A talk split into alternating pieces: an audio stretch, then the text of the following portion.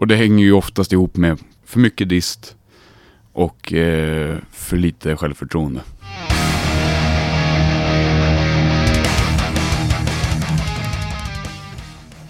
Nej, men jag hälsar välkommen till årets eh, första avsnitt. Äntligen! Säsong 8 av Rockpodden.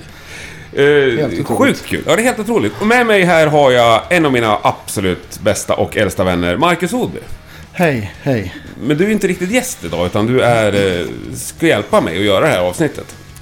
Ja, precis. Det, Mm. Mycket det är tydligen tänkt så. Ja. Och vi är i, ska vi avslöja det? Ja. Ja, men det tycker jag. Madrid. Ja, Madrid. Och eh, ska alldeles strax beställa en Uber och dra till, på studiobesök. Ja, precis. Hos Ola Ersfjord. Den, eh, i, mitt, I min värld är ju han en demonproducent. Han har ju producerat sjukt mycket av det som jag älskar. Ja, Plus att han bor i Madrid och är en hyvens kille.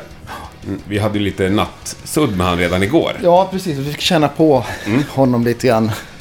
Först- Mycket trevlig prick. Ja, eh, första gången jag hade den uppladdningen inför en inspelning. ja, det var så. Att gå ja. ut och, och kröka med personen innan. Men eh, jag känner mig stark idag. Och eh, pigg. Ja, eh, nej, resten tar vi sen eller? Har vi något mer vi ska tillägga? Eh, Nej, nej, Jag vet inte hur långt du vill att det ska vara liksom. det här, försnacket. Ja. Så här långt ungefär. Ja, Nej, då säger jag att... Eh, varmt välkommen till årets första avsnitt. Du lyssnar på Rockpodden. Jag önskar dig en god lyssning. Nej men eh, jag har tryckt på rec nu ja. Ja. Så nu kör vi. kul. Eh, Rockpodden live from Madrid. Hola. Hola. Hola, med Hola. Sjukt trevligt. Ola Ersfjord, välkommen till Rockpodden. Tusen tack. Hur mår du denna dag? Jag mår förträffligt bra. Ja, fantastiskt. Lördag förmiddag. Ja. Ja, I Madrid. Ja. Här bor du och verkar och är verksam. Ska vi börja med det? Hur kom det sig att det blev Madrid? Jo, jag var ju på... Jag jobbade med Imperial State Electric. Vi var på våran första, eller min första turné med dem här. Eh, och jag träffade då Paco som var deras, eller som drev deras bokningsbolag i Spanien. Eh, vi kom väldigt bra överens och sen så kort därpå medan jag satt och spelade in Tribulation så ringer han, för han var manager åt Insolitude bland annat. Eh, och då frågade han om jag kunde köra ljud åt dem, vilket jag inte kunde eftersom jag var mitt i inspelning med, med Tribulation och dem. Eh, men så det blev ingenting där och då, men det drog ut, ut till att han bad mig att prodda ett band som heter Lizzies från, eh, från Madrid. Så det blev mitt första projekt här. Då var vi Men då bodde du i Sverige? då bodde jag fortfarande i Sverige, precis. Men eh, vi hyrde en studio eh, som heter Moon Tower utanför Barcelona. Och la alla grunderna där. Men för att spara på pengar helt enkelt så hade jag sagt att ge mig en, en lokal någonstans i Madrid. Så lägger vi all sång här i lugn och ro. Så behöver inte de vara så stressade över tid och sådär.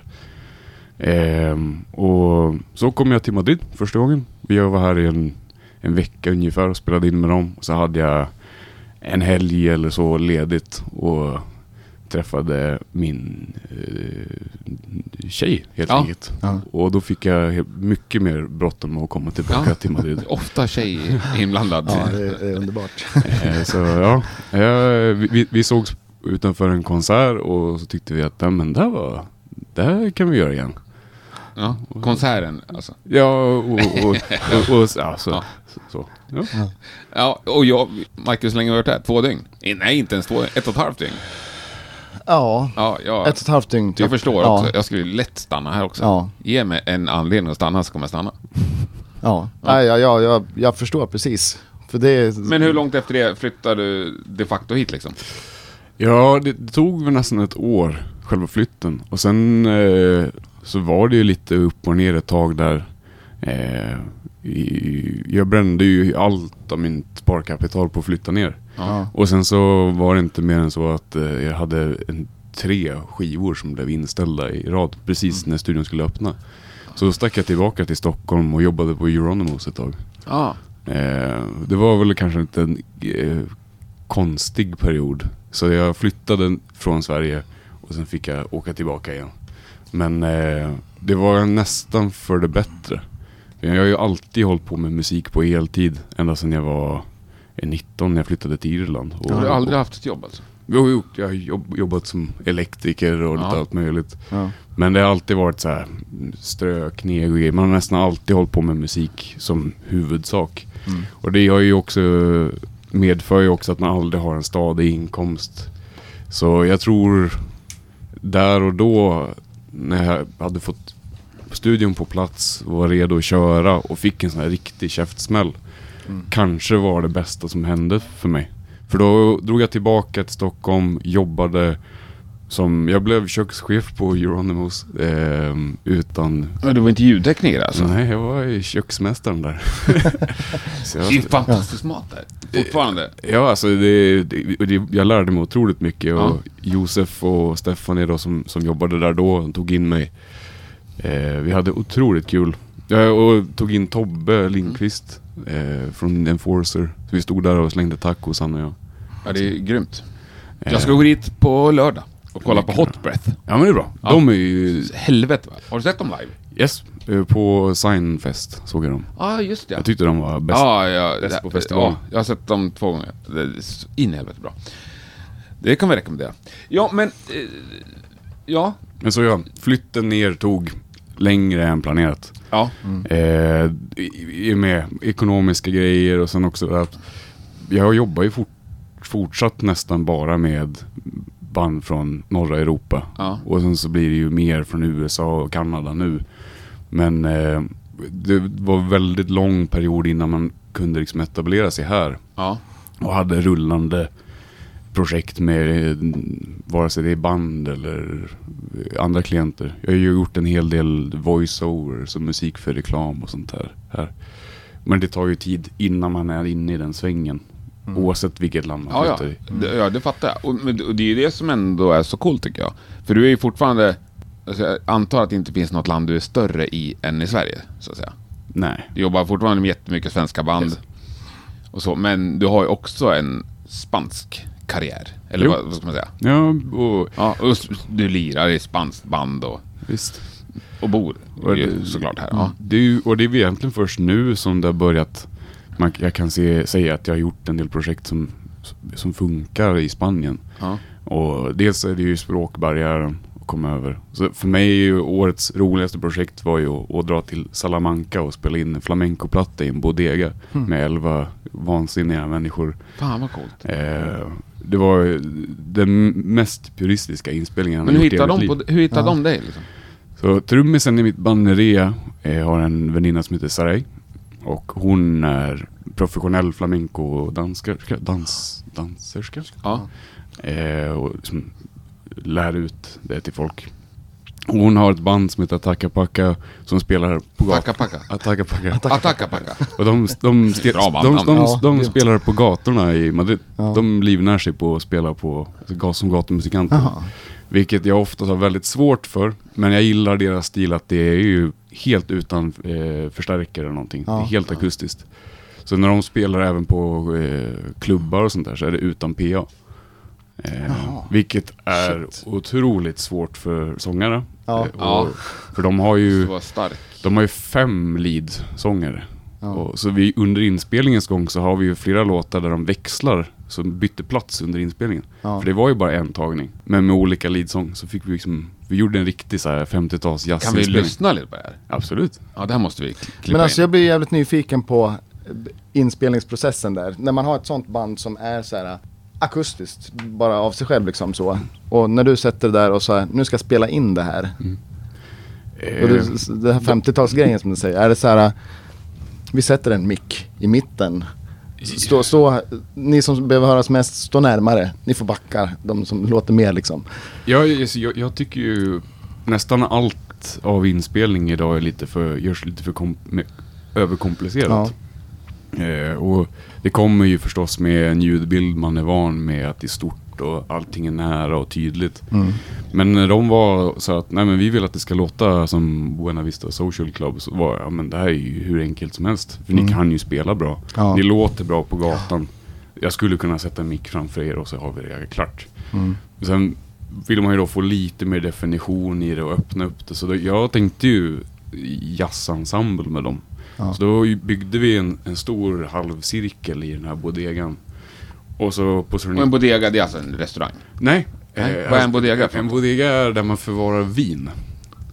Och, typ, Jag det var en restaurang. och torka, tor, tor, torka, torka, Här har jag gått och kallat mig språkgeni. Jag vet inte ens om en bodega. Tänker vi ha så här, vuxit upp med Peppes Bodega. Ja, men det är väl en, det är väl en bar de letar efter? Ja, Det är, Okej. det det är sprit de vill åt bara helt ja, ja, enkelt. men jag trodde att det var en bar. Men det är alltså ett Alltså, vinförråd? man- bodega har ju blivit någonting som, som man utnyttjar till... Så, eh, till exempel den här bodegan som vi var i använder ju då den familjen till eh, så här, f- stora middagar och sånt där.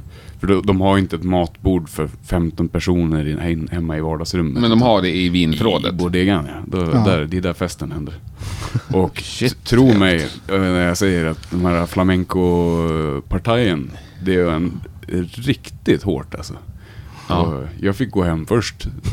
Och så här 70-åriga tanter Du var sitter- svagast. Ja, de sitter där och kör handklappstävling tävling till sju på morgonen. Jag hittar Ja. inte en enda anledning att bo kvar i Sverige. Nej, jag känner, jag- känner så här lite efter det här, den här intervjun så kommer vi vara Ja. nästan bo här. Skriv på pappret. Ja, Nej men vi har ju börjat prata till de termerna. Ja. När vi bor i Madrid. ja.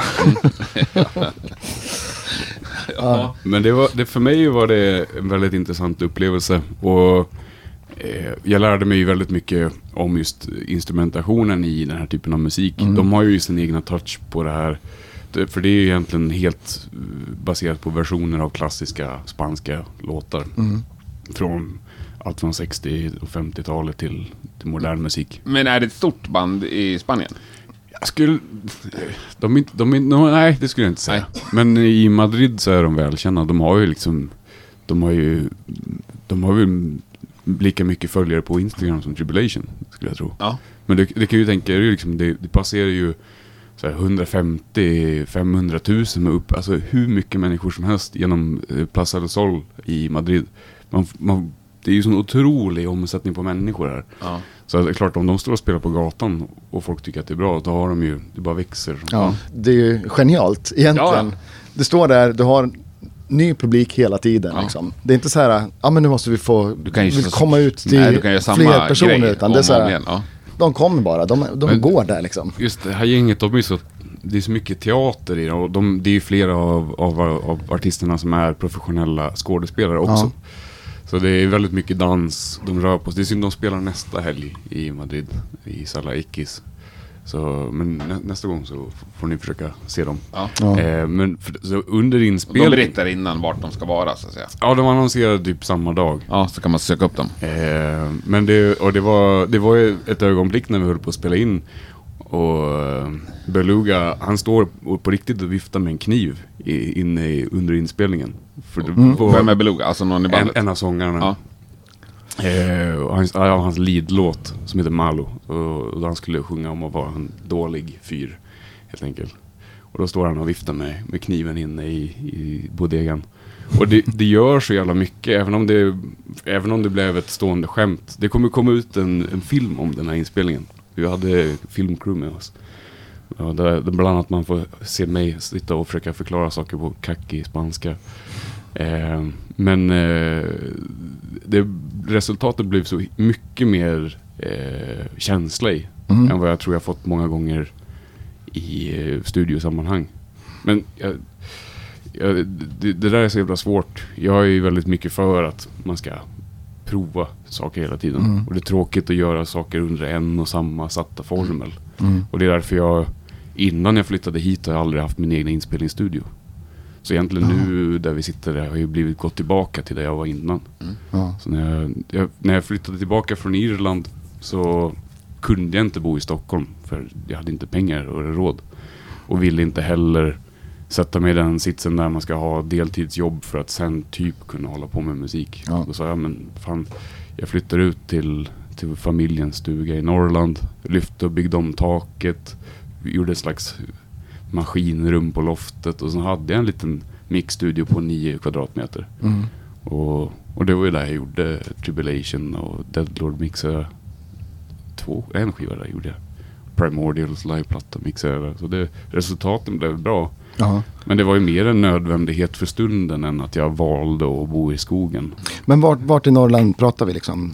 I, Utan- i Stockholm så är ju Norrland, Ja, Gävle är ju Norrland. Ja. nej, i Norrland är ju så här samma liksom. Ja. Det, vi, har, vi har ju, det, det, stå, det står ju där uppe, det är ju utanför Härnösand, strax Mm. norr om Sundsvall. Mm. Ehm, och det är väl fortfarande dit jag åker när jag vill hem och typ vila. Ja. Men nu har jag inte varit där på jättelänge. Men alltså det här att, att hålla till där och ha klienter liksom som är Ja men Från hela världen. 20, ja men alltså om vi bara pratar Sverige Ja. liksom. 20 mil bort. Hur liksom praktiskt går det till? Ja, det var ju inte så jävla smidigt. Nej. Men samtidigt så lärde jag, jag hade ju lärt mig mycket av det på Irland när jag, att jag fortfarande jobbar med mycket svenska artister där. Ja. Så jag var ju redan van med det här med att skicka material och sen vänta på feedback. Det har blivit liksom en del av tillvaron. Så nu sitter jag med den här mixen åt eh, Alan i Primordial och det, han har sitt livsschema som inte riktigt är... En, och musiker har ju oftast en tendens att inte vara eh, aktiva på kontorstider. Mm. Eh, så det blir ju lätt att jag kan skicka någonting för jag vill ju gärna jobba dagtid för att ha ett, en privat tillvaro. Mm. Men då kan inte jag heller sitta och stressa över att han inte svarar mig inom en, en 20 minuter. Utan ibland, och med vissa artister får man helt enkelt lära sig att nu skickar jag den här mixen så kommer jag få ett svar imorgon. Eller Ja. under natten. Ja. Vilket också gör det väldigt svårt. Eh, och det har ju varit stressigt när man har ett tajt schema. Nu har ju jag ju flyttat och återigen valt att ha en studio som är mycket enklare att underhålla. Eh, jag har lägre driftskostnader. Då kan man vara lite mer flexibel. Jag Mm. behöver inte boka liksom, eh, sex dagar i veckan bara för att hålla mig flytande. Liksom. Så då, jag tror man, eh, så som det utvecklas i hela m- liksom, musikindustrin och framförallt pengarna som går till produktion blir mindre och mindre Ja. successivt. Och då ska man ju kanske jobba med strömmen och inte mot den. Ja. Det är så jag ser det i alla fall. Att det är därför jag inte har en riktig inspelningsstudio nu. Jag behöver Mm. inte en. Utan, Men hur stor del av det du gör har du spelat in? uff, det var ju mycket mer förr. Eh, jag skulle, förut så var det i alla fall att jag spelade in och proddade en 70% av allting. Ja. Mm. Nu ska jag nog säga att det är nästan tvärtom. Att jag bara mixar. Är som att jag producerar men på distans. Som med nya Night-skivan. Att vi skickar demos fram och tillbaka. Den fick vi höra igår, Nya Night. Ja, just. Det får vi berätta att vi hört va? Ja, för fan. Ja, men den, den låten som ni fick höra, det, den släpper de ju som en singel snart. Sen fick vi höra Jonathan Hultén. Jag skulle hälsa förresten. Yes! Jag messade han och sa att jag hade fått hört det. Yes. Och, herregud Ja. vad det var bra. Ja. Och, eh, Alltså, det- inte, inte bara jävligt bra musik men för jävla Ja. bra det lät. Alltså Och- ljudmässigt. Tack. Det är också så här man ska lyssna på musik. Man ska Ja. sitta i en studio i Genelec. Ja, eh, feta Genelec. Ja, eh, helt magiskt. Ja. Ja, Det är- ja, men jag får ja. lite rysningar faktiskt när Ja, vi pratar om det. vi måste höra den där igen tror jag. Absolut. Ja. Den första vi fick höra. Var, Jag tror det är öppn- öppningsspåret. Ja. Nej, fantastiskt. ja, när kom det? April sa du? Ja, jag tror det. Ja. Ser Men- fram emot. Får jag bara fråga om, eh, ja men just det här med distansgrejen liksom. Jag tänker mig, folk har ju så jäkla lätt att spela in saker hemma nu liksom. Mm. Ja men du behöver ditt ljudkort och din laptop liksom, och en mick. Ja, Är det mycket, mycket sånt, alltså? För, för det är, jag, jag tänker mig att det är en stor skillnad liksom, just det här att man, som förr i tiden, man träffades i studion, alla är där, man spelar tillsammans liksom. Kanske inte alltid lägger allting live så, men liksom man är på samma plats liksom. Yes. Och kan kommunicera på ett helt annat sätt. Jag tror det beror väldigt mycket på vad det är för dynamik i gruppen. Mm. Eh, och såklart, har du ett, ett rockband, den, den klassiska benämningen att det är trummor, bas och gitarr och sen sångare. Så är det nyttigt att göra en sak tillsammans Mm. för att få det att låta enhetligt. Eh, jag tycker ju nästan att man alltid ska försöka lägga så mycket som det går tillsammans. Att spela in ihop, även om det blir lite skavanker. Liksom. Mm. Det, det, det brukar visa sig med, med tid i alla fall att de, de, när det får låta och leva lite grann så håller skivan längre. Mm. Eh, men sen finns det ju kontrast då till, då, till exempel Jonathan som har... Han är ju, det är ju hans projekt och han har ju sin tydliga bild. Sen att jag har varit med och vi pratat om hans låtar. Och, men det har ju tagit ganska lång tid för oss att få det förtroendet för varandra. Framförallt han för mig. Eh, och det var ju... Så under Tribulation, så, i inspelningen så var ju jag med dem i replokalerna och sånt där. Och även om jag i slutändan kanske inte till, bidrog med så himla mycket faktiska arrangemangslösningar. Så var ju Men då var du, alltså din roll var producent då? yes, Ja. producent, inspelningstekniker, Mm. mixare. Och framförallt eh, en grej som många glömmer bort, som jag tycker är en viktig del av producentrollen, är att planera budgeten. ja. Så att välja, och då sa vi det att nej, men vi ville ha en fet studio för trummorna. Mm. Och sen behövde vi en, stu- en studio med mycket utrustning för att bandet inte hade det. Mm. Så drog vi till Nickes gamla studio och bara hade högar med Nicke pedaler. Andersson. Precis. Mm. Eh, och det var ju för att där hade vi alla typer av förstärkare och pedaler som vi kunde behövas. Mm. Och sen Cobra för att lägga alla syntar med riktiga grejer. Eh, men så det, och, det, och det blev ju en skiva som kostade en hel del för att vi ville göra det på riktigt. Mm. Alla steg i... Men eh, Blev också jävligt bra. det blev väldigt bra och bandet var otroligt närvarande från början till slut. Mm. Men om vi tar Nicke Andersson. Jag vet inte hur många gånger han har nämnts i Rockpodden. Det är ungefär lika många som det finns avsnitt. Men eh, han har studio och är ju uppenbarligen jävligt begåvad. Oh ja. Varför anlitar han dig för, för att mixa grejer? Ja, jag, jag, jag tror... Jag tror att vi förstår varandra musikaliskt. Alltså att vi bråkar egentligen aldrig om hur en virvel ska låta. Jag mixar någonting som är Lucifers för, Ja. an, förra skiva. Eh, Och Imperial State Electrics liveplatta. Du vet, det har du fått beröm för faktiskt av Egge. ah, ja, Tobias. Ja. Det var otroligt kul. Därför, Ja. Men det, det var... Jag älskar den skivan också. Den är ju Eh, fantastisk. Ja. Det, det, det var inte mycket rätt om man ska säga. Det är inte så man ska mixa en skiva. Allt i det röda, verkligen. Men det var så kul för de sa nu, den ska låta som Kiss Alive. Allt och i de det röda. Du menar att det är högt? bara distat allt. Ja. Det är Thomas Skogsberg-style. Ja, det är bara, och då måste man ju då måste man ha ett, ett riktigt bord för Ja. att få det att funka. Liksom. Då, då, det funkar inte att, göra det i en dator. Och det är då man kanske behöver eh, antingen, om man vill ha en sån grej, behöver man anlita någon som har utrustningen för att göra Ja. det. Men eh, mellan de projekten så, det, det lustiga med Lucifers platta var ju att Nicke skickade mig låt, den första låten eh, som de släppte, California Sun Ja. som jag skulle mixa som ett prov för skivan. Som en testmix helt enkelt. Och eh, det lustiga var ju att han skickar ju i vanlig ordning då bara råmaterialet. Och sen så gör jag en mix som jag tycker att det borde låta. Och sen så skickar han mig sin mix. Och de lät nästan identiskt. Ja. Och den skillnaden var ju då att troligtvis så var min mix eh, mer tekniskt korrekt gjord. Ja. Alltså det var lite större bredd i allting och mer djup definition. Helt enkelt en aning mer liksom professionellt bearbetad. Men det estetiska som egentligen är det viktiga då Ja. var mer eller mindre jämbördigt. Ja. Det stora var ju där han- hur han ville att sången skulle låta och sådär, och då får man prata om det. Men han tycker att du är bättre på att mixa än vad han själv är, så att säga. Det, det vet jag inte. Eh, och det är också en sån här... Nej, men varför anlitar han dig då? Annars skulle han göra det själv. Där och då var det att han inte hade tid. Han hade nog gärna mixat den själv ifall han hade tid. Och resultatet hade nog blivit minst lika bra. Men eh, jag, jag måste nog ändå säga att det finns saker som, som jag kan göra. Som jag helt enkelt har mer kunnande i än, Ja. än om man är... Han, jag menar, jag har ju en utbildning i det.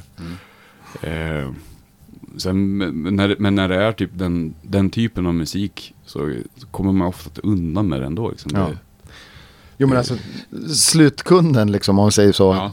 Ja, Du och jag. då- ja, ja, ja, kanske mer du än jag. För jag, jag gillar ju de här bitarna liksom. Men alltså det är ju sällan eh, någon sitter och säger att äh, den här mixen är inte Nej. bra. Alltså, Ja, alltså det är ju mus- jo. nej, nej, ja, men alltså, Jag kan ju störa ihjäl mig på en dålig Ja men okej, då liksom. kanske inte du den, den normala konsumenten. Jag tror Liksom. att Men, den normala så här, hårdrocks rockkonsumenten ändå uppskattar Alltså, bra ja, jo, men, gitarrljud ja, men Ja, alltså det finns ju så mycket annat också som, alltså låter det bra?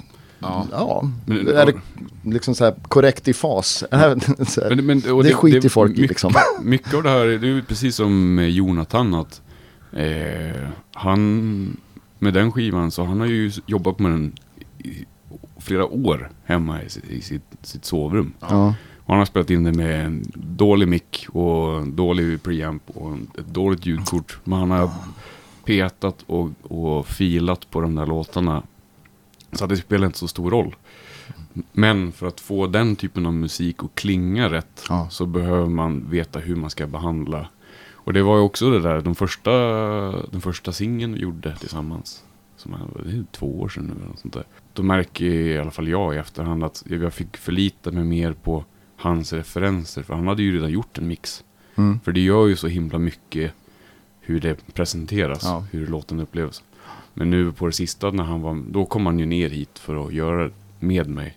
Vilket underlättade väldigt mycket i och med att han hade så tydliga idéer om vissa effekter och sånt där. Och i bitvis använde vi Men hans... spelar ni in också? Eller mixar ni bara? bara, då? bara mix. Ja. Vi, vi la en hel del mellotron och moog här. I och med att Ja. jag har De ska vi prova sen. ja. Eh, men, men i det stora hela så hade han allting färdigt. Och det var ju, det var ju några låtar när han bara, nej men det här reverbet ska vara mitt reverb. Och då Ja. använde vi hans i Ja. inställningar och ljud. Mm. För jag tänkte när vi lyssnade på de här grejerna att just typ akustiska gitarren som fanns där lät så jävla bra. Mm. Eh, Lät den svinbra när du fick den eller har du liksom så här, var den okej? Den lät skitdåligt. Eh, Alltså, det, det, Ja men jag det- tänker det hur finns- mycket det- plus, Var liksom, inte blyg nu Ola. Det var, det var... Jag tror den låten du refererar till var nog den vi kämpade mest med, just Ja. gitarrljudet. Och det var inte att vi ville åt ett, eller att Jonathan inte ville ha ett särskilt snyggt gitarrljud, utan ett väldigt specifikt. Ja, Det var mer att det skulle vara, eh, reflektera vad han tyckte att gi- gitarren skulle bidra med i Ja. låten. Sen finns det några av dem när jag verkligen fått göra här riktigt slick eh, gitarrljud också, som är väldigt rent. Och då är det väldigt mycket processering för att få hans, eh, hans inspelning att låta dyrt. Men Ja. det går. mm. Och det är det här... Dyrt, det är bra ord. Det Ja. lät dyrt. Det lät skitdyrt. Ja. Ja, visst. och, och, my- och mycket av det kommer ju när man, dels med tid, att man har teknik och kunnande.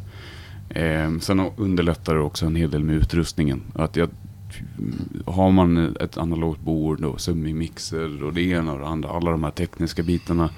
Det är inte att det inte är möjligt att göra det i datorn, men det blir lättare att tillgå. Och sen så känner jag ju oftast att det, det blir någonting som ett slags filter i det.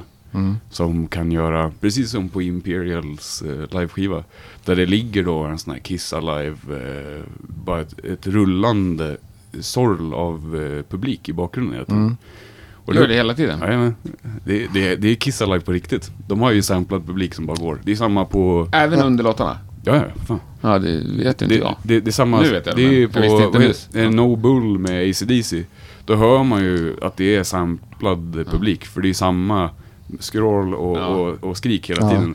Jag älskar liveplattor och jag, jag tycker just det där hur man förhåller sig till publikljud. Det finns ju många som drar ner publikljud är uppenbart liksom så jävla maxat så här, mellan låtarna. Sen när Ja. låten börjar så drar de ner så att det är noll. Så Ja. låter det så här studio. Det hatar jag. De liveplattorna är värst. Ja, det är lite trist. Men det jag upptäckte var ju Mr. att Men du, det är liksom ett fake-spår med publikljud. som- också. Men, men, men det är taget, taget från eh, de faktiska konserterna. Så, Ja, ja. så det, Ja. det är samma... Men Kiss Alive, var inte det samplat från så här Super Bowl? Jag tror det. Det är så här, det är Eller enligt ryktet i alla fall. Ja. Jag har för mig att det är något helt på. Men eh, det, det, som, det som var intressant med det där var att vi skulle ha så himla mycket diskant i ljudet. Precis som på Kiss Alive. Det är en väldigt skramlig skiva. Utan att det egentligen gör ont i öronen. Mm. Eh, det var ju också den, den svåraste i slutklämmen var ju när, när Magnus Lindberg mastrade det. Att han tyckte att det blev för modernt. Men jag var så nej men det ska vara så här mycket diskant i Ja. det. Eh, Det gör ingenting att, att det blir liksom sk- skrä, skränigt. Det, det ska göra lite ont i öronen, precis som på en Mm. konsert. Mm. Men att eh, det som får det att funka, för själva cymbaljudet på båda inspelningar, eller alla eh, tre inspelningar, är inte något märkvärdigt bra. Och oftast är det det med live-skivorna att du får ju mycket läck och skrammel och sånt där. Eh, men just det här publikljudet, det funkar som ett vitt brus. Ja. Så det, det, och det är lite samma sak som händer när du då kör allting analogt. Även om det inte är mycket så har du lite av en slags en statisk brus. Ja. Som gör det, jag upplever i alla fall det lättare för öronen och Ja. ta mycket av det. Ja, datorn är, alltså, datorn är ju liksom clean, clean, clean, clean eh, helt och hållet liksom. Exakt. Du har ju inget brus överhuvudtaget liksom. Det är digitalt s- perfekt liksom. Vet ni vad? Nu ska vi ta en paus. Ja. Nu kommer eh, en helt ny grej. Det här kommer nu.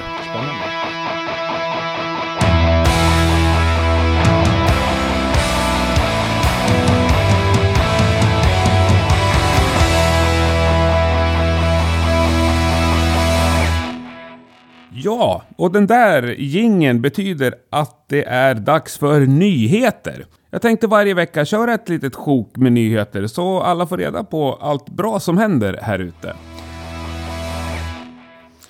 Det första jag vill ta upp är en verkligt positiv nyhet. I höstas så hade vi ett helt avsnitt om eh, klubbar och konsertlokaler som bara la ner hela tiden. Nu är vi på gång att få ett nytt riktigt bra ställe här i Stockholm. Det heter Follan och ligger ju ute vid Slakthusområdet kring Globen. Första februari, då spelar Mustasch där och det blir väl det första hårdrock-rockarrangemanget i alla fall. Jag tycker vi ska se till att det blir fullsmockat. För då kommer ju folk fortsätta boka rock och hårdrock och stället kommer kännas som vårat. Första februari, Mustasch på Follan. Biljetter hittar du på livenation.se. Det är väl klart att vi går dit och så ses vi där. Sen har vi den härliga nyheten om att Festival of the Midnight Sun även kommer köra 2020. Det var ju en kortfilm om en gammal festival för 50 år sedan kring Mantorp Park utanför Linköping. Den där filmen slutar ju med att det blev en eh, festival eh, redan förra sommaren. I år flyttar festivalen, de kör i Linköping den 28-29 augusti. Vi jobbar med framförhållning här. Band som redan är släppta är Church of the Cosmic Skull, Abramis Brahma, Heavy Feather och eh, den underbara Ebba Bergqvist. Och fler artister kommer såklart att tillkomma. Och det finns fortfarande early bird-biljetter kvar. Jag tycker att med den här line-upen är det inget att tveka på. Det blir väl ett underbart sätt att eh, kanske avrunda sommaren på. 28-29 augusti, biljetter på tixter.com.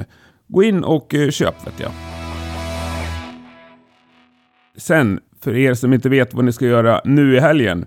24 januari på Debaser strand har vi två underbara liveband. Bombus och eh, Horndal. 25 januari hittar vi samma två band på Pustervik i Göteborg. Det här är två kvällar som jag kan lova kommer bli fantastiska båda två. Ta er dit, eh, ni har ju hela helgen på er. Ja, ungefär så där har jag tänkt att det ska låta. Har du eh, någon nyhet som du vill annonsa i Rockpodden? Maila mig på henke.rockpodden.se så får vi se vad vi löser. Nu åter till Madrid.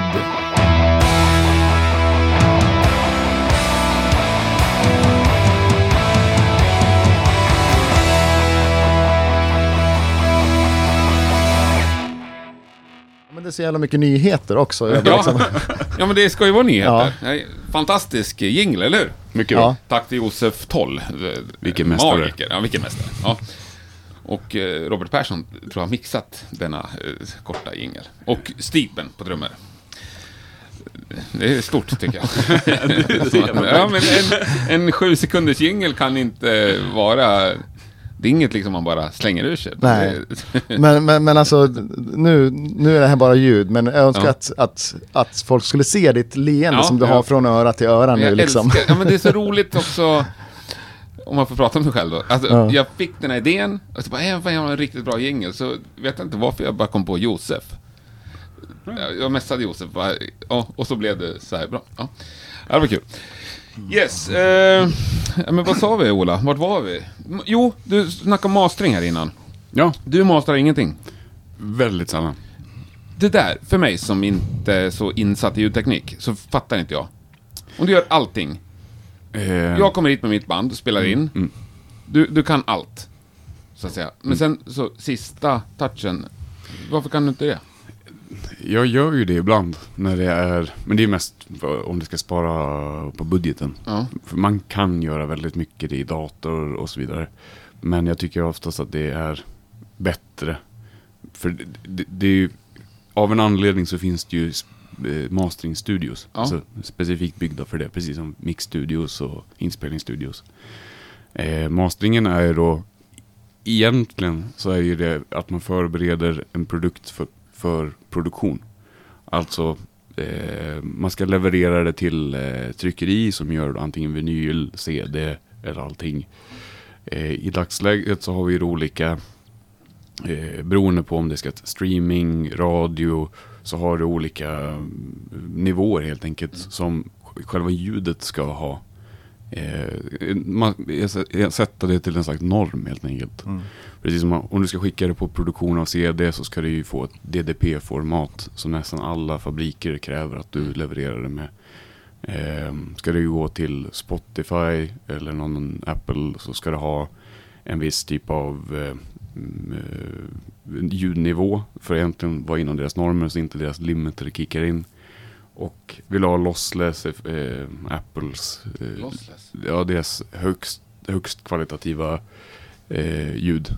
Aha, Så ska det vara- Ja, ja, förlustfri. Ja. Eh, Alltså, så- fritt översatt. så ska det eh, vara levererat i ett annat format också. Så det är, när jag skickade till mastering hos eh, Chris som gör nästan alla mina produktioner. Chris, vem?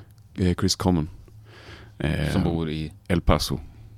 Eh, vi träffades på Irland men han bor, han bor där nu. Han, har, han driver en studio åt Omar Rodriguez från Mars Volta. Eh, Mars Volta. ja. Länge sedan. Finns de kvar? Jag tror inte De var så jävla på på tapeten ett tag. Men han, är, han, han jobbar ju... Musiker, musik. Ja, Alltså jag har dålig Ja. koll på dem också men Ja. de var ju groteskt stora. Framförallt i USA under ja. sin Och högtid. bland musiker. Så jag, jag Skitsvår. Svår. ja. Så han- de, Omar han byggde den här eh, gigantiska residensstudion i, utanför El Paso. Jag, var- jag var där när de höll på och byggde, byggde den. Och När du säger residentstudio, då menar du alltså? Eh, Med boende, alltså det är Ja, en slags ja. villa compound. Ja. Eh, och jag tror att de har två eh, mixrum och så ett jättestort liverum. Och sen en mastering suite, jag är inte helt säker. Men Chris är liksom chefen där över allt ljud. Och det är en bizarr eh, backline de har. Och det är då återigen det där att jag, det jag gillar med honom, men han har ju jobbat åt Chelsea Wolf och etc. Och det var ju därför jag, det jag gillar med honom är att han tillför en, en väldigt eh, dynamisk bild på, på masteringen.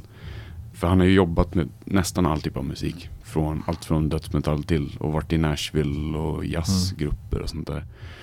Och så sitter han ju då på all utrustningen som jag absolut inte har råd med. Ja. Eh, och jag tycker nästan alltid att det blir bättre. Och framförallt få ett litet perspektiv. Men det är ju så, i alla fall så som jag mixar, som är ganska klassisk skola, så levererar jag ju en, en produkt som jag tycker låter färdigt. Mm. Så masteringen är ju då att förbereda då den mixen till de olika typerna av plattformar som den ska ut på. Mm. Till exempel vinylen så måste du summera eh, vissa frekvensomfång i mono. Eh, som du inte har, du har inte den begränsningen på digitala format till exempel. Det är ju för att nålen inte ska balla ur. Mm. Eh, så det, Nej, det, det här har jag ingen aning om. Så- det låter jätteintressant. Ja. eh, det var faktiskt... Eh, Vilka frekvensomfång då? Eh, det Runt, eh, i princip, det, alltid de låga registren måste summeras i mono. Annars så kommer själva vinylen inte eh, funka. Men vadå låga? 200 och neråt? Ur 100 och neråt. 100 och neråt. Nå- Någonstans där nere. De riktigt så här starka basfrekvenserna. Men hur, hur lågt kör man då? Vart sätter du stopp? Ja, på vinyl har du ju egentligen inget stopp, men det, det blir ju runt 20 hertz. Det- Det hör, 20 hör ju inte. Alltså, människor kan ju höra mellan 20 till 20 000. Sä, När jag, säger man. när Men jag redigerar ljud till Rockpodden så brukar jag klippa vid 100. Det är jätte...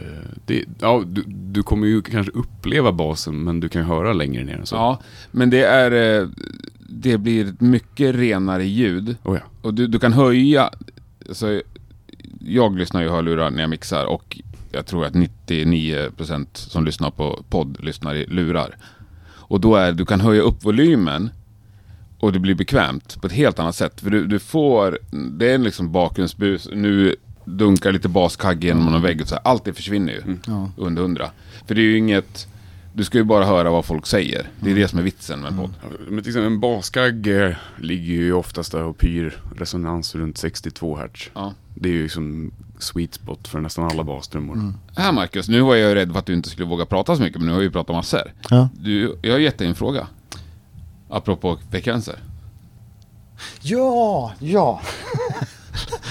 nu vart jag ställd Henke. Ja, ja, men det är bra. Eh, Ja, precis. Fast egentligen var inte det någon frekvenser så, men Nej. det, du gav mig frågan om frekvenser. Ja. Ehm, och egentligen så, det är ju det här som vi pratade om när vi kom hit, Nicke Andersson. Ja, mm. Eh, I min värld så har ju han uttryckt sig någon gång, vet inte vad jag har hört det. Men just det här med gitarrljud, att så här, det viktigaste för honom är liksom själva högtalarelementet i Ja. lådan liksom. Gitarren, ja, självklart, Mm. stärkan också. Men mest högtalarelementet Och vi kommer i... på det för att det ligger Ja, det, ja. IBL-element här. Så säger du, ah, men det är Nickes, jag kommer inte ihåg vad du sa. Ja. Ge oss storyn då. Så, du sa att ni har bråkat om en speciell frekvens, eller Ja. vad var det? bråka har vi inte gjort, men han, Nej, han, nej. han, ble, han, blev, han blev rätt besatt av ett, ett, en ton i gitarrljuden Ja. på, på vissa inspelningar. Och vi höll på, eh, det, det var så, så Eldorado-jakten liksom.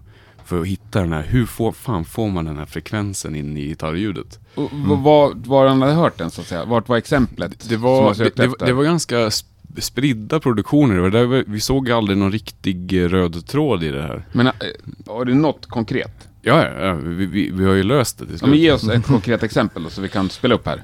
Ehm, För det blir sjukt flummigt att prata om en frekvens här vi söker. ja, på, på Imperials live-skiva så har du det. Ja. På Tobias Egges gitarr. Då, eh, Men på hela gitarren på hela skivan? Eller en speciell nej, på, he, på hela skivan.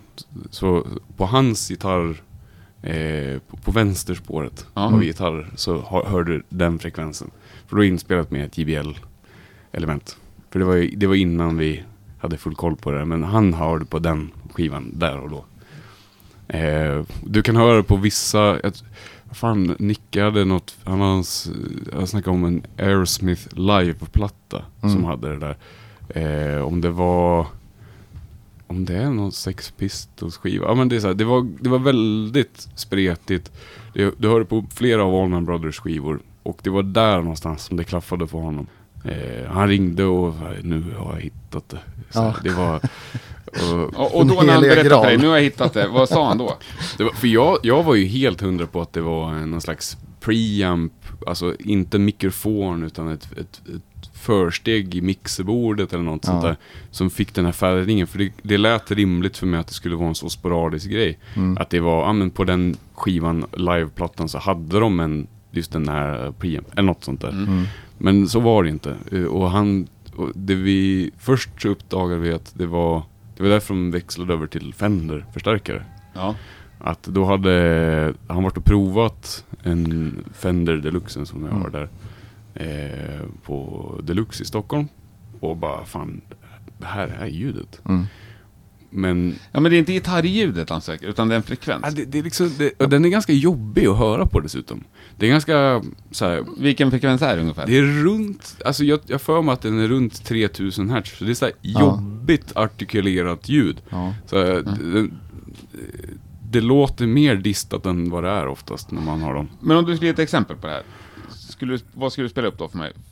Jag fattar inte vad du pratar om egentligen nu. Alltså, det, Jag det, låtsas ju nej men, nej men, och där, ja men fan, ja men ta Imperials live-skiva. Då, då kommer det så här, på, när Egge, framförallt när han spelar solon, så hör du liksom att den nästan knastrar, och, men att det låter lite tunt i diskanten. Och det var där någonstans, det, det, det, det är väldigt svårt att förklara. Och, och från, från början så tror jag inte att jag hörde det alls. Nicke sa ju det, nej men du kanske inte hör vad jag hör. Och, och, och han menade också framförallt att du kanske inte alls gillar det här. Och Ja. det gör jag egentligen inte heller. Jag, jag föredrar oftast de som går åt helt andra hållet. Men Greg Allman har det på väldigt mycket av hans inspelningar. Jag, jag vågar inte säga en specifik låt nu, men nästan alla hans. Mm. Och det var där som, som Nicke till slut upptäckte att eh, Allman Brothers som körde på var det? Och Lynyrd Skynyrd har det på flera skivor också. Mm. Att, och det var Lynyrd Skynyrd och Allman Brothers när de hade sina... Eh, för de körde ju Fender-förstärkare jag för mig. Eller var det Peavey? Peavey hade Lynyrd Skynyrd. Oavsett. Det, det vi, Nicky kom fram till var att det som skilde ljudet åt i förstärkarna var att i deras eh, technical rider då, för, fe- för festivalspelningar och turnéer så hade de en beställt en viss typ av förstärkare med högtalaruppgradering. Mm. Så om det var både Fender och Peavey under den här epoken av 70-talet. För att de kom vanligtvis med någon slags Celestion element eller jag vet inte vad det nu var. Men om man sköt till extra pengar så fick Ja. man då, om det var JBL eller Altec. Greenbacks. Ja men och, det, och de är ju åt helt andra hållet. Jaha. Ja, Jag vet bara att vissa vill ha det. Ja. Jag vet inte Ja. vad det är. Ja men det, och, och de- har absolut inte den frekvensen. Det, de är väldigt... Vad är det man ska ha? Är det JBL alltså? Det är de här som ligger där? Ja, eh, De, de, de där funkar. Eh, jag har även en, en gammal Altec där uppe som eh, Dwayne Allman körde på. Han hade exakt Ja. en sån. Eh, han, men han, sen hade han, han hade JBL också, men det är den här 120-serien de gjorde. Det, men det som är drygt med är att de där väger 10 kilo styck. Mm. Det är feta Ja, magneter. Ja, ja magneter eh, Jäv... De är nästan lika stora som själva Ja. elementet. Ja. Jag, jag tror ju att det som är skillnaden på dem till just greenbacks och nästan alla andra gitarrhögtalare är att de är full range högtalare. Alltså de, Ja. har, de är egentligen mer anpassade för en vanlig stereo eh, bild. Så jag tror att de bara helt enkelt reproducerar mer diskant. Mm. Och där någonstans med rätt gitarrförstärkare och ljud så får man just det här knorren i, i disten. Mm. Men jag- har, har du liksom tagit över den här besattheten av den här frekvensen? Nej, inte alls. Nej. Jag tycker den är jättejobbig. Ja. Det är bara när du gör Nickes grejer. När du gör andra rockband. Nej, och jag har, som sagt, jag har ju dem, jag använder dem ju aldrig. Nej. Eh, Jag, jag, jag, köpte, jag köpte en hel drös, för jag vart ju också lika nyfiken. Eh, De där var ju trasiga, men Altecen har jag använt på en del grejer. Det har jag upptäckt. Eh, så där det låter som bäst tycker jag är mer bluesiga och lite mer eh, städade. Jo men vadå, du gillar väl själv hur Imperial liveplattan låter? Jo visst, men jag, jag skulle inte säga att det är på grund av att gitarren har den där frekvensen. Nej, okej. Mm, det, det, det är andra saker som jag, som jag gillar. Men, eh, ja. Jag får så jävla mycket frågor. Ja men alltså, det- jag, jag, jag tycker det är lite tillbaka där som vi pratade om tidigare liksom. Det, är så här, det här är så nördigt på så djup nivå liksom. helt underbart. Och så här, för en så här slutlyssnare är det så här, ja, gitarr, elgitarr. Ja. Låter bra. Sitter och lyssnar i mobilen, Ja. i mobilhögtalaren. Ja. Ja. ja men och där tror jag nog mer än någon annanstans så kommer Ja, att höra den här jävla Ja. frekvensen. För det är så elakt och jobbigt. Men v- vad är absolut viktigast? Om vi spelar in en platta med vårt trash... Vi, vi gör en reunion på vårt gamla trashband Ja. eh, Grandfod Sash, Marcus. Kan- Låt oss göra det. Eh, och så... Eh, Bra anledning till att komma till Madrid. Nej, Ja. fast vi spelar in hemma. Ja, just det, bra. Det här är fråga ett. Så Ja. skickar vi dig eh, Det blir jättebra. 24 spår. Ja. 24 kanaler Det låter med mycket. olika inspelningar. Vad börjar du då? Vad jag börjar med? Ja. Jag måste ju lyssna på låten, så får man göra en slags grov mix först. Liksom. Ja, men, eh, Ja, men vad börjar du... Vilken, vilken av kanalerna börjar du skruva på först? Nummer ett. Eh, det, det, Och det- man, man får börja med kicken nästan alltid. Eh, Bastrumman? Precis. Alltså, ja. Och det, så du börjar där, men det är ju egentligen mer för att det är tekniskt lättare att utgå från den Mm. nivån. Så, Och när den börjar låta skapligt, då går det över till... jag, brukar inte, jag, jag brukar inte ens eh, röra i själva ljuden till Mhm. att börja med. Utan jag sätter bara nivåerna först. Ja. Och sen, och så vill inte jag upptäcka att oh, men det här kan man ju inte använda. Eller att jag måste göra någonting direkt. Men börjar man från, från spår ett, om det nu är en bastrumma eller en tamburin. Så sätter du nivån med den först på själva mastern. Och sen så mixar du bara, sätter upp. ett- Mm. När, jag, när jag pluggade på Irland så fick vi göra ganska mycket sådana arbetsprover. När man fick, jag tror det var fem minuter att göra en mix. Alltså i princip från början till slutet av en Mm. låt så skulle man få det att, att låta enhetligt. Ja. Utan att röra EQ eller effekter eller någonting. Och så fick man göra om och om och om igen. Och varje gång blir det lite annorlunda. För att hur man uppfattar ljudet i stunden och sådär. Mm. Men Eh. okej, du sätter nivåerna så det låter schysst. Du får en helhetsbild av låten. Du hör ju Men vad, vad lägger du tid på sen då? det första som låter dåligt. Vad brukar det Eh, vara oftast? Eh, märkligt nog så brukar det, det brukar ofta vara sång eller bas som behöver petas mest i. Eh, ofta så tror jag att basen kanske är lite förbisedd.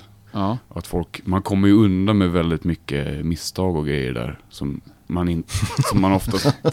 Varför tittar du på mig och skrattar Eh, för? jag, menar, jag, jag älskar ju att spela. Jag har Jag har ju spelat bas med honom i, i he- hela mitt liv nästan. Alltså, jag, jag, har ju, jag har ju varit gitarrist hela mitt liv, men jag älskar att spela bas för Ja. att man kan tillföra så jävla mycket. Ja. Och just färgningen, hur den låter och groovet kan kännas med en liten förskjutning eller om man ligger före är jätte, jättebetydande. Men tyvärr så blir det nästan alltid den, det instrumentet som folk lyssnar minst på. Ja. Det finns ju många personer som drar ner basisternas rykte. Så kan man säga. Ja. Nu tittar du på mig. Personer, det finns ju många personer som ställer sig bakom en bas och Ja. liksom sabbar för de som verkligen vill spela bas. Så kan vi säga. Ja, men utan, alltså... att, utan att hålla något slags försvarstal för basismen. Ja. Ja. Men alltså, Men hi-hat? Eller förlåt, ja, nej, nej, nej, jag, jag tänker bara att Vi ska det, inte fastna i är, oftast är det ju, nej precis, vi ska inte fastna där, men oftast är det ju så här, blir det så här att så här, en gitarrist får ta basen för att det, det kan man ju fixa. Ja, eller någon snygg polare. Ja, men, Kan du lira Till- något? Du ser ju som en rockstjärna. Kan du lira något? Nej. Ja. Nej men bra, då kan du spela bas. men till ditt försvar Henke, Ja. så lär jag ändå säga, alltså, det, det, det blir inte lika bra. Jag, jag älskar att spela bas, för det här du pratar om, liksom att här, det finns så jävla mycket att göra med, det, det händer så mycket med Tobias med Egge är ju liksom. jävligt bra på att spela bas. För att vara gitarrist. Oh ja, oh ja. Du är ju grym gitarrist, Marcus. Men du spelar ju bas som gitarrist. Ja, absolut. Som, som Yngve Malmsten spelar bas. Ja. Snabbt och mycket. Ja, ja det kanske var att ta i. Ja, Men nästan. ja. Han spelar inte bas alls. Jo, Gör han det? första plattan... Uh, Marching Out är väl hans bas på. Att han bara skulle säga... Rising Force, jag tror han spelar på den. Ja.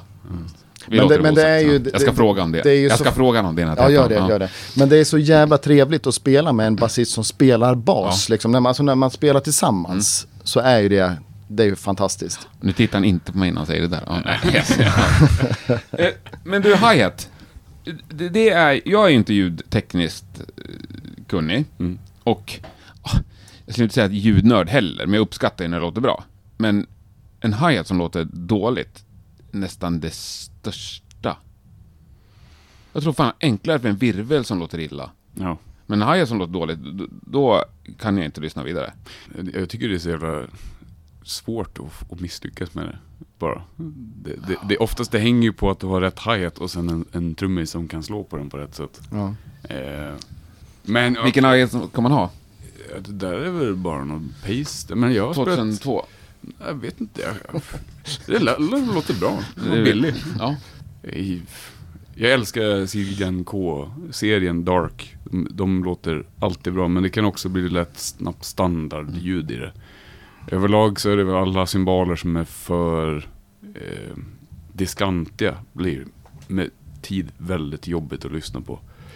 Men framförallt om du ska micka upp det så får man ju tänka på att där micken sitter kommer de inte låta exakt som det gör i rummet och sådana här grejer. Men det, en hi-hat som låter dåligt kan jag tänka mig är väl om det är för mycket diskant i den helt enkelt. Ja. Men det är ganska lätt fixat, du bara rulla av diskant. Jo, men Men ibland jag tänker så... också att en hi-hat har ju en tendens att så här, sprida sig jävligt styggt till resten av mickarna. Upplever eller- jag. Eller så är, är det bara ja. att jag är kass på att micka upp den liksom. Nej, men Eller så är det trummis som kör för ja, men hårt. slår för Ja, hårt liksom. Det, det är oftast där. Kan de slå Ja. för hårt? Oh ja. Alltså, kolla på... Har du sett CC Top live någon gång? Ja, i somras. Ja. Jävlar vad han dunkar på trummorna. Men symbolerna rör sig fan inte. Han slår löst på cymbalerna. Det är alltså de, knappt att de rubbas. För det, det, och det är så att generellt sett spela hårt på puker, kick och virvel. Eh, Virveln kan du inte spela hårt på ju. Jo, men, men, Ska slå sönder skiten. Alltså jag älskar... men, men det beror också väldigt på mycket. ingenting jag älskar Det beror lite på vilken typ av virvel det är. Men överlag har du, jag, jag gillar ju lågt stämda virvlar. Alltså Mm. 60-70-talsproduktion. Men Att det får vara en lika drivande rytmisk del som bastrumman nästan. Att den, det ger en puls i låten. Ehm, det, det, det, det har jag väldigt svårt för. Det Men virveln är ju liksom statyn som rockmusiken står i Ja. ring runt, tycker jag. Eller- tänker jag. Ja, det är typ eh, Fint nästan, sagt. nästan all musik. Eh, All, Ja. all pop, populär Men jag musik. lyssnar i ju, jag lyssnar ju inte på, ja, all musik då. Ja men, men, men alltså, ABBA, lyssna på den virveln alltså. Lyssna på Jäklar. basen. Rutger, Rut, Rutger Gunnarsson. Jävlar vilken bra basist. Han är ju så magisk ju. Oh, ja. Ja, eller var. Jag tror han dog förra året. Åh fan, jag har ingen aning. Han är sjukt bra på att lira bas i alla fall. Ja, Men så hi-hat, det, det finns ett jävligt bra knep där då. Om du då har en hi-hat som låter för skramligt och för, liksom, för mycket fnissel i Ja. det så att säga. Då lägger du in... fnissel. Alltså Ja. Mm. när det är så här mycket, mycket diskant. Jag att tror är jag menar. Jag har aldrig, hört ordet förut då, bara. Då, då, då ska man ha typ en hel näve med 50-öringar. Typ. Så småmynt. Jaha. Små, små mynt. Ja. Lägger dem inuti hi-haten så tar du bort all den där diskanten. Lösa mynt där inne. Ja. Ja, fast då vill det ju till att du är med och spelar in så att säga. Det är för sent när de skickar spår till dig. Ja, det, det, det, det går ju... Du kan inte stoppa in mynt Skicka inspelningen liksom. en påse mynt. Där kan ni stoppa i det här i iPhone och spela in det igen. Ja. Det, ska jag, det ska jag göra någon gång. Ja. Det låter bra, men lägg dem här i hi-haten så blir Ja. det... Gör, provar vi igen. Men, men vad är det vanligaste som folk misslyckas med? Om, när du får den här mixen, när vi skickar våra 24 spår, vad är det vanligaste? Eh, dåliga gitarrljud. Ja. Eh, så, Är det att det är digitalt inspelade gitarrer, eller är det att det är Nej. dåligt mickat då, inspelat? dåligt eh, spelat, eh, kan- tycker jag. Dåliga gitarrister alltså? Ja, det. Ja, det är lite jobbigt faktiskt. Nu känner jag att du är liksom... ja, jag måste ge du tillbaka. vill- Nej men gitarrister är ofta på så jävla egoistiska. Sen är de inte tillräckligt kaxiga för att bli sångare. De vill inte stå längst fram, men de vill ändå höras mest. Ja, jo, kanske. Ja. Det, det, det, det, Det jag, lät som en hel sågning av en hel kår, och det är inte. Jag, jag tycker om gitarrister också, men jag tycker de ska vara lite mer som in i mitt fält där i fotboll liksom. Ska bara göra sitt jobb. Inga felpassningar. De ska, de ska vara tajta. Eh, Malcolm Young vill jag ha i alla band. Ja. Men jag, jag tror att det är väl lite där, Malcolm Young är väl ett jättebra exempel på en fantastisk eh, kompgitarrist. Han drev ju hela ACDC's Ja, ja. rytm, alltså tempo, allting satt ju han. Men, eh, och också ganska egendomlig grej för det är inte så många rockband som har haft en sån typ av gitarrist. Och, och bevisligen så funkade det väldigt bra. Men det som händer oftast på inspelningar när jag, som jag får framförallt från rock och eh, ännu värre med, från metalband är att det är, de förlitar sig så mycket på ljudet att de tänker inte efter på anslag. Ja. Och, eh, Ja. Så tonerna kan ju vara rätt men det finns liksom ingen attityd eller eh, attack i själva i, i gitarren. Och det är ju ett stränginstrument så det, det, det ska ju liksom hugga till lite grann när man spelar. Och det hänger ju oftast ihop med för mycket dist och eh, för lite självförtroende.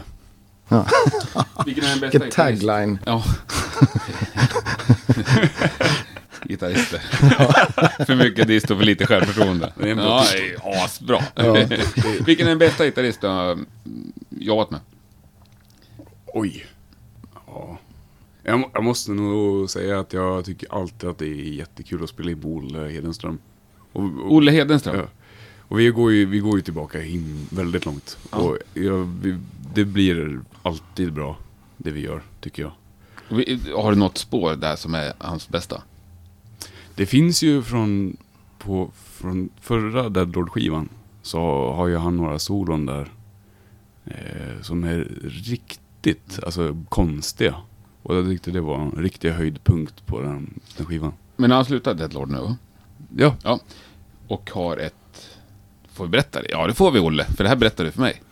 Jättespännande trash-projekt på gång. det, det, det, det kommer bli, Mm. vilken jävla All-star-grupp alltså. Verkligen. Och Det, det låter ju osagt, men det kommer bli fantastiskt. Ja. Får jag bara, innan vi lämnar gitarren här, känner jag, jag tycker att det är Ja, ja, väldigt viktigt Vi har område, ingen så. tid att passa. Men eh, sk- skulle du, märker du en skillnad på liksom folk som har suttit hemma, mickat upp sin stärkare kontra spelat in i en eh, gitarrplugg eller en Kemper? Oh, ja. Men det är ju... Det är ju Hör du det direkt? Den, den är svår, men eh, det, det är ju ingen, ingen riktig reson i att spela med... Det funkar ju såklart och du kommer undan med väldigt mycket av det där. Men jag tycker alltid att det, det saknas det här liksom anslaget. Och det är, I slutändan så är det ju ett elektriskt instrument. Mm. Och så tar du bort förstärken så är det ju bara en gitarr. Då är det ju inte en elgitarr. Jag, jag, jag håller med dig till 80%. Alltså, med med om, om vi- mycket dist och lite självförtroende. Ja. Nej men också, om vi pratar en plugg i datorn liksom och spela igen. Det, där känner jag att, där, nej. Men, men däremot en Kemper i min värld är Hör du skillnaden, lika bra. Marcus? Nej, jag- eh, nej. Nej, inte- Och nej, jag känner heller. inte skillnaden heller att spela genom det. det. Förutom att det finns ingenting som klår att stå bredvid stärkan och känna Har du provat liksom, att spela med en Kemper live? Ja, Någon gång? lite läskigare. Ja. Men också en vanlig sak. Jag, med eh, Mika i Monolord, han, han visade någon ny grej från, jag tror det är Roland eller Boss, Ja, det är väl samma kanske nu. De släpper en... Det är eh, basisten i Monlord, ska vi säga. Yes. De släpper en, eh, ett, ett eh, par hörlurar som kommer med en plugg. Där du, jag antar att de funkar på samma sätt som eh, så här virtual reality. Så du sätter på dig hörlurarna och sen så är du, emulerar de att du är i ett rum. Mm. Så att om du rör på huvudet så kommer det vara som att du vänder huvudet till och från förstärkaren och såna grejer. Såklart, Shit.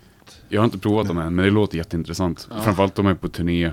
För det, det, det han säger och håller väldigt mycket med om eh, är det här att inte, inte få en resonans. Ja. Och så man får, för det blir ju, mellan högtalaren och mikrofonen på gitarren så är det ju en konstant eh, feedback loop Mm, egentligen. mm. Det är ju två mikrofoner mot varandra. Mm. Det är därför det rundar när man har mycket dist. Eh, men och tar man bort då, om man spelar med Kemplern, då försvinner ju den. Ja. Och det är där jag ofta känner att men, du kan ju spela en ton och det låter som ett fett ackord med en Kempler, men du får ju aldrig att den här ringande tonen i det. Ja. Och det är ju rundgång. Mm. Det, och där kan jag tycka att det blir skillnad. Ja. Sen att ljudet i sig kan vara bra, men eh, i mixar kan det bli lite svårt att, att, att få plats för det. Men det har ju också vilken typ av ljud man vill ha. Mm.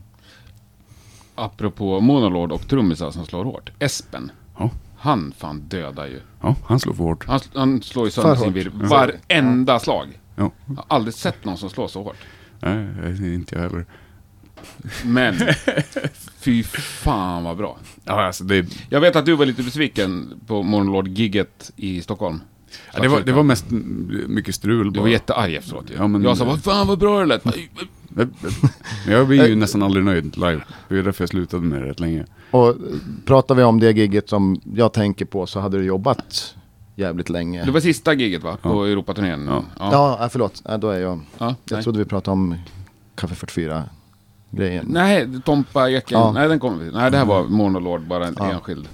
Ja, nej, men det, det, var väl ett bra gig, men under den turnén så hade vi ju några sådana här kvällar när det verkligen sitter där det ska. Ja. Och med den typen av musik så tycker jag att det får gärna nästan låta som på skiva.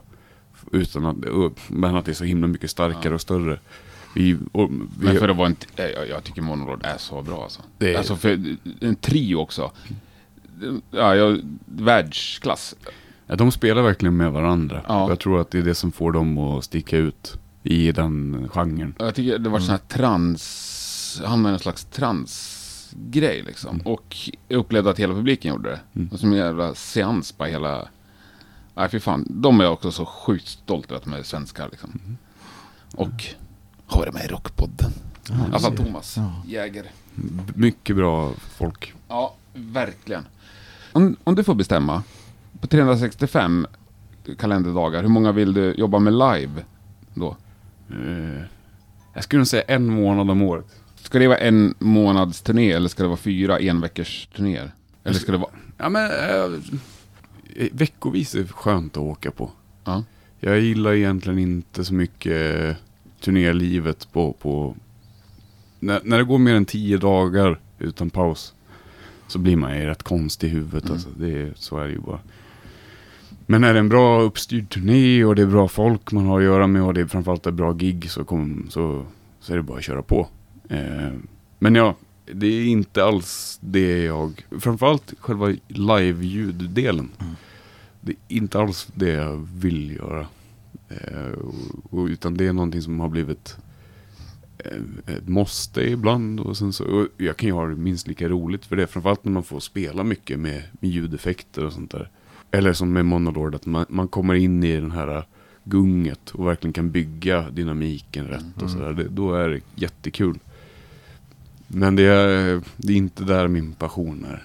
Nej, Okej. men du vill ändå ha, du vill inte ta bort det helt så att säga. Nej, nej, nej. Och, och Men vi, vilka kör du? Du ju kört lite med Helicopters Mm. och Imperial, yes. Monolord. Mm. Vilka har mer? Jag har varit ute någon sväng med Enforcer för massor av år sedan. Eh, men egentligen inte så himla mycket livejobb. Det har jag inte gjort. Vilka tackar du nej till då? Jag skulle åka med Tribulation när de släppte uh, Children of the Night. Ja. Men jag ställde in den för jag gick in i väggen efter en månad med Enforcer. Och diverse strul. Men eh, så är det ibland. Eh, och, och jag slutade väldigt länge med live-ljud. För att jag tyckte att det var jobbigt. Mm. Jag trivdes inte alls på turné. Eh, men jag, nu med Monolord och framförallt efter förra året med Helicopter så, så fick man ny smak på det. Och eh, att se också att det kan vara väldigt kul när det är Mm. bra Nej, uppstyrt. det- Mm. Men jag tror att jag gillar mer än någonting är ett, eh, turnéledarrollen. Och göra förproduktion. Eh, skrika på folk som inte gör sitt jobb. Mm. Den delen tycker jag är jättekul. inte just att skrika på folk men, Nej, ja. men eh, och få det, få det hela att snurra och funka tycker jag är jätte, jätteroligt. Men vilka tackar du nej till? Mm. Det är orimligt att Helicopters och Monolord är de enda som frågar. Jag får inte se jättemycket Nej, live-förfrågningar. inte jättemycket, men några får du. Jag kan, inte, jag kan inte minnas det ens nu. Nej. Jag tror inte jag brukar Mm. tacka nej till så mycket grejer. Det, Inte mixgrejer heller. jag, det, jag får ju en hel del sådana här eh, metalband från diverse länder och, och platser som kanske inte har så mycket pengar. Och det kan vara eh, rätt frustrerande att ha samma konversation om och om igen. Eh, när man alltid slutar med att nej men det har inte vi råd med. Mm. Eller att de säger att ja, men, om jag ska fakturera dem så kan inte de ge mig ett eh, eh, momsregistreringsnummer. För att de, och, och då pajar det hela deras budget. Men det ska ju inte påverka mitt liv. Mm. Så det blir en hel del sådana småbandsgrejer som tyvärr jag gärna gör. Mm. Men om det inte finns en ekonomi i det så kan man Om inte. ekonomin finns då? Finns det grejer då som du ändå säger nej till? Det skulle väl vara om det, eh, som vi var inne och nosade på innan här, att just fascistgrupper och... Eh, ja, nej, det, det har jag väldigt svårt för. Och eh, skulle, om Bursum skulle höra av sig så skulle jag nog tacka nej. Ja. För det tycker jag är jättedålig musik också. Ja. Mm.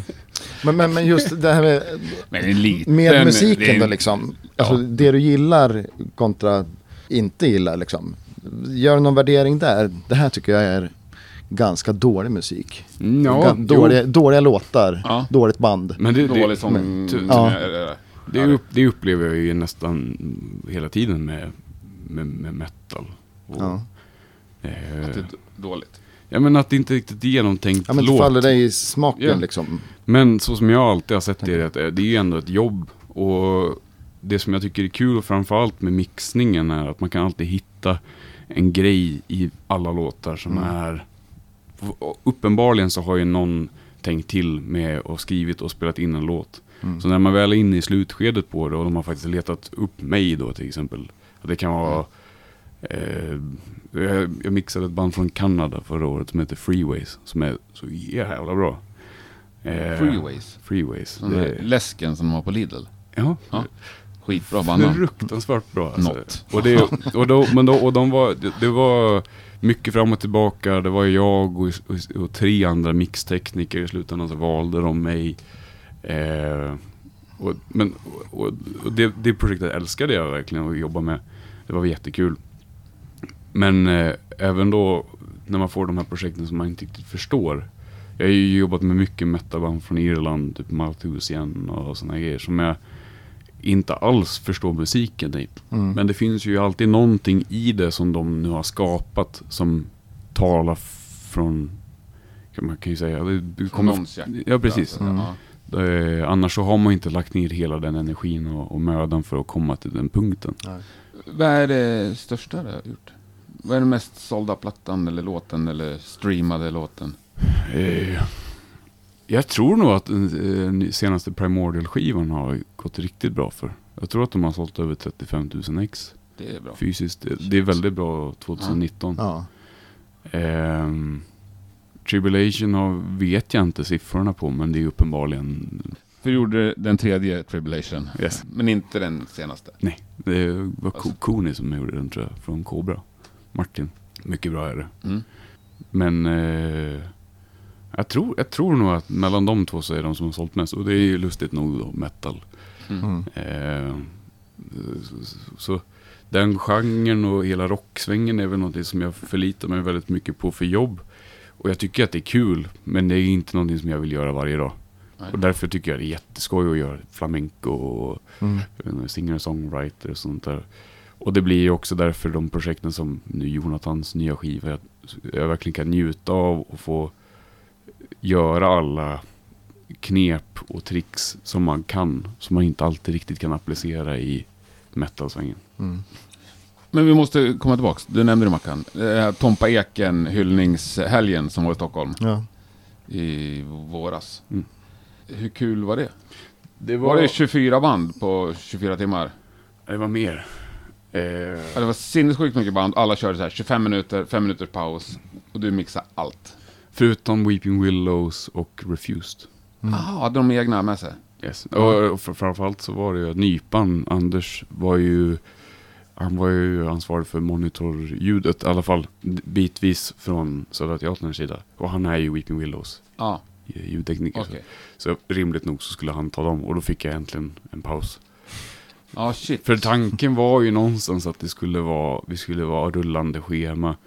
Men jag insåg ju det ganska fort att det, det, kommer inte gå att byta av varandra. Så det var vi, Nej. viktigare att jag stod själv i, på front of house och sen så hade de så att de kunde byta av varandra på scenen.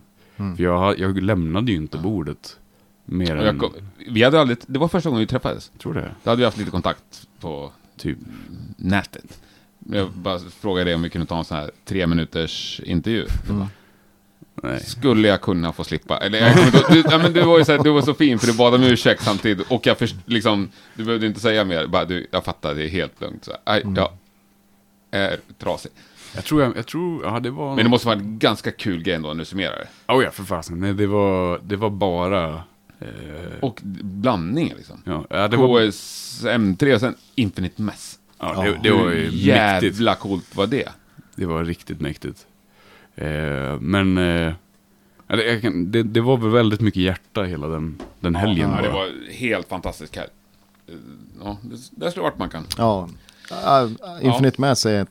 Det är Infinite Mass live är fan, det håller jag så jävla högt. Ja, det var ju liksom Real, de har inte lirat på hur länge som helst. De släpper eh, platta nu. Ja, de släpper singel imorgon, Ja. Kul. tror jag. Spännande. Nej, jag satan bra. Och de hade ju också med sig, de hade hittat en flyttkartong med tischer från 94. Ja. Som de bara gav till en merchpåse. Sälj det, ge alla pengarna till Tompa. Jag Ja. köpte en sån, den är så jävla snygg. Ja. Mm. Ja, det var ju, Teddy Bears kom ju med en hel drös av deras eh, ja, de hade ju samma grej. De sålde också original tischer från eh, 90-talet. vinyler. Ja. Det var, det var ju eh, Tony jag hade sagt men fan de här säljer de ju för 1500 spänn på Ebay. Ja. Ja, men kör bara. Mm. Det var eh, ingen som höll emot på någonting där Nej. den helgen. Det var otroligt Fan, kul. fin kärlek liksom. Tråkig kontrast eh, sen att de stängde just Kägelbanan på grund av ljud. Ja, jätteroligt. Jag älskar den konsertlokalen. Eh, det kändes som eh, en väldigt konstig kontrast till just den helgen och allt eh, medie... All media som kom kring det och den positiva känslan. Och så är det ändå det, den responsen ett par månader sedan att nej men nu ska vi stänga alla liveställen i Stockholm. Mm. Det var ju... Nej, jag Jättekonstigt. orkar knappt prata om det för då blir jag bara upprörd. Ja. Jag har sagt mitt i ett Mm. avsnitt som finns att lyssna på. Mm. Eh, Ja, ja förlåt. Eh, Men eh, vilka var bäst då? Vil- vil- Vilket band... Vi börjar med den helgen. Det det är en lätt fråga nu. Vilket var roligast att mixa? Ja, Infinite Mass var jättekul Ja. att mixa. Även, vi hade ju problem med, med gitarrförstärkaren. Men de spelade ju bara på. Det fanns inte tid att göra någonting. Vilket är det bästa bandet du har jobbat med någonsin då? Live? Så som du tycker? alltså. Ja, ja eller alla kategorier. Ja, då, då, jag säger nog att jag, vi, har gjort, vi har gjort några spelningar med Imperial State Electric som bara, det var, går inte riktigt att överträffa det. Bå, bå, just det, jag tror framförallt när alla i bandet sjunger. Och den responsen, det, ja. Gigget som vi gjorde, som är på liveskivan från Madrid, eh, i Moby Dick, det var en, en sån kväll. När det var bara... Och det var, det var så himla kul för de visste ju att de skulle spela in. Det, var ju, det började ju på grund av att vi hade varit tvungna att ställa in ett gig bara några dagar innan för att venue vi var på i Madrid, eller i Spanien, inte hade rätt tillstånd. Så efter soundchecken så var jag tvungen att gå ut med våran TM då och säga åt alla de här människorna som stod och väntade på oss att det blir ingen konsert. Så bokarna och eh, de, de ansvariga för det här gigget försökte ju göra någonting, eh, en slags kompensation. Och då fick vi pengar att göra någonting. Ja. Varav självklart så säger bandet att men vi gör någonting som, till fansen. Och då var det att spela in första gigget. Eh, så det var så hela den grejen började. Och då när de inför själva gigget så hade de ju bestämt sig att men, det ska ju låta som Kiss Alive. Så spelar det inte så stor roll hur vi spelar för i värsta fall lägger vi ju om allting bara. Fuskar. Vilket de inte gjorde ändå. Men eh, Lite. Eh, det är lite. Det har, det har Egge erkänt. Han la om lite. Han, han om lite kanske. Så gjorde man på 70-talet, sa han. Ja, ja, tanken där och då var ju att allting skulle bli omlagt. För att det skulle låta exakt som Kiss Alive, men så blev det inte riktigt så. Men då gick jag ut i alla fall med den attityden att det var bara att få igång publiken. Som, som var viktigt. Att få så starkt publikljud som bara möjligt. Det var det enda som man ville få, få till. Och då blev det gigget fruktansvärt kul. Shit, där blir jag avundsjuk. Det Så det var- kittlar i magen. Jag tycker att Imperial State Electric är typ världens bästa, bästa band. Mm. Men kommer vi någonsin få höra dem igen? Kommer vi få se dem live igen någonsin, tror du? Jag hoppas det. Jag vill ha nya skivor och nya turnéer. Jag tycker det, det, det som är intressant. Jag tycker jättemycket om Lucifer och jag tycker jättemycket om Helicopters, men jag tycker att Imperial är... Det är framförallt ett band som jag tycker successivt har förbättrats. Ja. Alltså både låtskrivarsidan och hur de spelar tillsammans. Otrolig utveckling. Mm. Så älskar jag ju Tobias Egges röst. Jag tycker Ja. det är fruktansvärt bra. Har du hört hans eh, sologrej med Niklas från Baboon Show? Ja, eh, vad heter bandet nu då? De har ju ett band. Det är ett bandnamn. Det borde ju, jag vet, jag har ju mixat. ja, har du mixat det till och med? ja, då borde du verkligen veta vad det heter. De heter något kort. The Dots, eh, något sånt där heter de va? Åh, fan. Mm. Ja, de har ju släppt dem på Ghost Highway här i Madrid. Eh, skivan, eh, singeln heter i alla fall Highly Strung. Så, så, Objects heter The den. Object heter de, ja. Bra. Mm. Nästan The Dots. Ja. Förlåt. Typ det. Ja. Andra- Äh, skitbra. Jätteroligt sånt hobbyprojekt. Ja, och jag tycker det är fantastiskt bra låtar också. Baboon Show också. Helvete vad bra. Det De är var- stora här det- i Spanien. Oh ja. Har du sett oh ja. dem i Spanien någon gång? Yes, på Download förra året. Ja. Det var ganska konstig bokning tror jag. För dem var det nog en av de mindre publiken, publiksiffrorna de Ja. har haft i Spanien. De är ju framförallt i norra Spanien typ hela tiden och spelar. ja. Och Eh, Tyskland. ja. De är ju hur stora som helst. Nej, det, det tycker jag är skitkul. Med all rätt. Ja. För det är så otroligt bra. Ja. Eh, Ja, Och ett band med mycket bra budskap. Vilket jag tror är, gör väldigt mycket också. ja, de är ju verkligen politiska. Mhm. Innan vi avslutar ska jag ta upp mitt papper här med få- frågor som jag har förberett. Ja. Jag ska bara se att jag inte har glömt något egentligen. Jag får prata hemskt lite om ditt egna band. Ja, men Hur det, seriös är du med, hur seriös är du med det? Danger heter det. ja, vi, vi vill ju egentligen bara ha kul. Ja. Mm. Och vi ska spela på Askena. Nej, det- det var inte bokat. Nej, Just, nej, nej. vi, vi, får, vi får se. Eh, men eh, jag tycker framförallt det är kul att vara aktiv musiker. Och det, det hjälper mig jävligt mycket med allt det andra. Mm. Eh, sen spelar jag ju bas i His Majesty the King också. His Majesty the King. Yes. Eh, de har varit en duo i flera år. Så har jag hoppat in på bas där. Mm. Det, är, Vad är det för typ av musik? det är lite mer åt eh, Queens of the Stone Age hållet. Ja. Fast med en Clara på sång. Då. Jag tycker det är riktigt bra. Alltså. Och växlar mycket mellan spanska och engelska vilket gör det hela mer spännande. Mm. Eh, men det är bra. Coolt. Men, Ja. så, för mig, musiken är, att spela själv är för att ha det roligt. Ja, det, nu ringer de. Eh, Det, det, det är för att ha kul. Jag gillar att, att, att lira. och Jag tror det är nyttigt för mig att vara kreativ. Mm. Sen, sen om vi eh, tar det seriöst eller ej, det får tiden säga. Mm. Mm. Jo, men jag vet en, det här tror jag frågar alla producenter jag har intervjuat. Har du någon platta som du har gjort som du är förvånad över att den inte blev liksom större och gick bättre? Ja, Där du kände själv att det här är fan världsbäst. Och så bidde det liksom inget. Jag, jag mixade en skiva åt band med mer åt soul-hållet från Stockholm för många år sedan. Freddie King en Patata. Freddie King. Eller Patata en Freddie King. Och tvärtom. Otroligt eh, radiovänlig musik. Ja. Och ett sånt där projekt som jag tyckte att de har otroligt bra låtar. Väldigt bra musicerande, duktiga och välinspelat. Men det hände typ ingenting. Jättekonstigt för mig. Eh, jag tror att de, det var svårt för dem att hitta sitt forum och komma ut. Så de- det slutade mycket mer med typ konferensgig och sådana där. Och spela husband på Berns och sånt.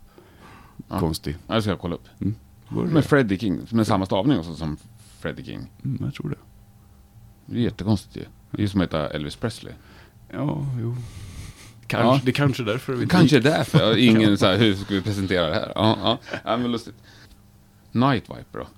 Det. Låt oss prata lite om Night Viper. Det är ju egentligen en skiva som är, man verkligen borde, borde ha gått längre. Men jag fattar inte att de inte är större än Megadeth. Ja. Säg inte det till, till Sofie ja, hon, hon är inte jätteförtjust i Megadeth. Nej, nej, men okej, nu menar jag storhetsmässigt. Right. Jag förstår att de är lite mindre än Metallica. Ja. Men jag först- förstår inte att de inte... De borde bara vara lite mindre än Metallica. Ja. Alltså jag tycker det är så bra så att det finns inte. Nej, det håller jag med om. Faktiskt. Det, Jonna är också en coolaste trash-trummisarna i världen. mhm. Nej, hela det Alltså hennes spelstil, jag älskar den. Mm. Ja, verkligen. Det är väldigt personligt i den... Nu måste du lyssna på mig. Ja, jag ser ja, att du ser ja, ut ja, ja, visst. Jag sitter och Hon lyssnar är lite, på er. lite sloppig spelstil på något sätt ju. Ja, kanske. Alltså hon... Hon, hon, hon, hon är inte liksom eh, Thomas Hake. Nej, du är väl det. Lite, lite... Fladdrig låter ju som att det är dåligt. Det är det ju absolut inte. Men lite soulig då, kan man säga så? Ja, jag skulle nog Någon säga... slags sväng. Jag Mm. Är det är helt fantastiskt. Och han, ett Anton Sutton, gitarristen. Yes. Ja, han är ju, en- han är ju James Hetfield bra. Ja, och Och en, en, en, en, ännu en gitarrist som har varit otroligt kul att jobba med. Ja, det kan jag tänka mig. Väldigt. Men den, de spelat in båda. Ba, jag spelade in deras andra skiva. En mixa båda. Nej, Nej, bara den andra. bara den andra. De är också, måste släppa något nytt snart. Hoppas jag verkligen. Ja, det var tyst ett tag nu från dem. Där har du något man kan. Mm. Yes. Tack för tipset. Ja, Night Viper. Ja, det har jag tjatat om. Fan. Ja. Eh, ja, har vi något mer som ska nämnas, tycker du? Har du något du liksom är riktigt stolt över? Något projekt som du vill framhäva? Ja, verkligen Jonathans skiva. Och det projektet känner jag verkligen Den nära. kommande? Ja. Jag känner väldigt nära. Eh, och passande nu med släppet. Eh, sen eh, Och det kommer släppas. April, i april, tror 4 April. april tror jag det är. Ja. Sen eh, Ataka Paka bo- bör man lyssna på om man vill få lite smak på Spanien. Mm. Eh, kul introduktion till väldigt mycket traditionell musik härifrån. Med lite modern touch. Men den är släppt den här Bodega-plattan. Bodega-plattan är på Spotify och alla andra jag plattformar. avslutar nästan med Ja, fan. Attacka Packa. Det är festligt Ja. att avsluta med. Vilken låt är det som är allra festligast? Vi säger Malo, för att det är en av, Malo. mina, för en av mina favoriter. Ö, Förut, utöver... Är det sexan? Kan vara. Eh, det, det, skivan är ganska lång. Spela Vi, sexan? vi, fick, vi spelade ju in över, över två och en halv timme musik på tre dagar med dem. Jävlar. Det, var, det gick fort. För, eh, han som spelar flöjt är även flöjtisten från Mago Dios. Som var Spaniens största metalband på 80-talet. Mm, Ganska kul kontrast. Ja. Spaniens största metalband. Har jag aldrig hört talas om. Ja, men så heter spela, de? Mago Dios, som Trollkarlen från oss. Mer att kolla upp. Är, det, är de värda att kolla upp? Ja, ja, det är, ja, ja jo, det ska, det ska man göra. Jag känner mig ganska nöjd. Vad känner ni? Ja.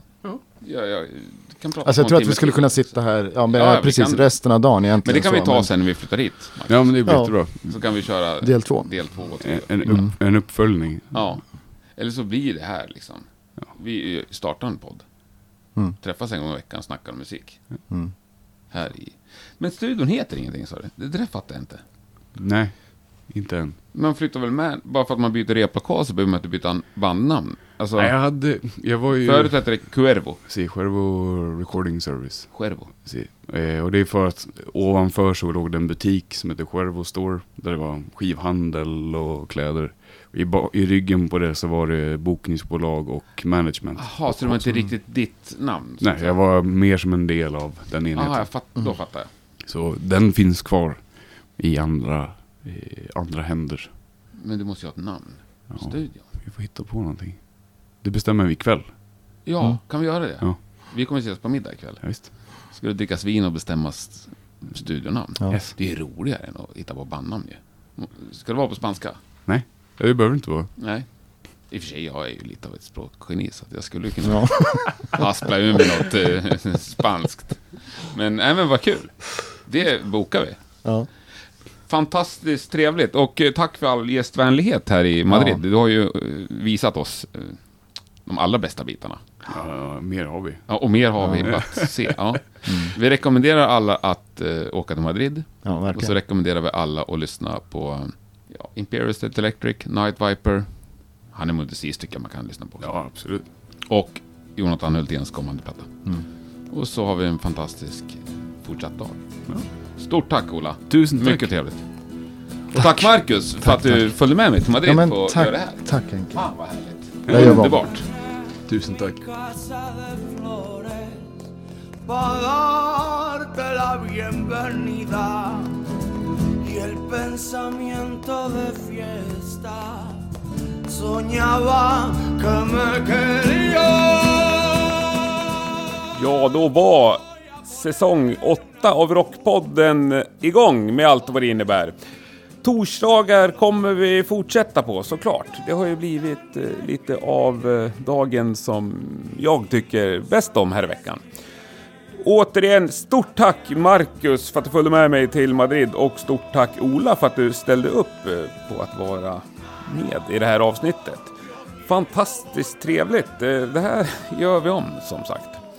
Den där frekvensen vi snackar mycket om. Jag hittar inget bra exempel eller så var det att jag inte riktigt förstod. Ni får leta själva. Ni fick ju gott om instruktioner av Ola. Så ni som är intresserade tror jag löser det där. Messa mig gärna när du har hittat klippet som gör att eh, även jag förstår.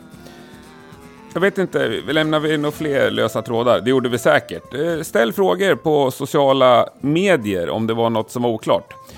Rockpodden finns både på Facebook och Instagram. Superlätt att hitta. Nästa torsdag är vi då som sagt tillbaka. Då blir det en helt annan gäst, eh, men ett väldigt eh, spännande avsnitt tycker jag. För det är faktiskt redan inspelat det med. Nu ska jag däremot packa ihop mina grejer och eh, spela in ytterligare ett avsnitt. Det ser jag fram emot. Ha en fantastisk vecka så hörs vi snart igen. Och som utlovat då så avslutar vi med Attacka Packa och låten Malo. Det var ju den med kniven i studion där. Ha det bäst, tack och hej! aunque fuera encadenado.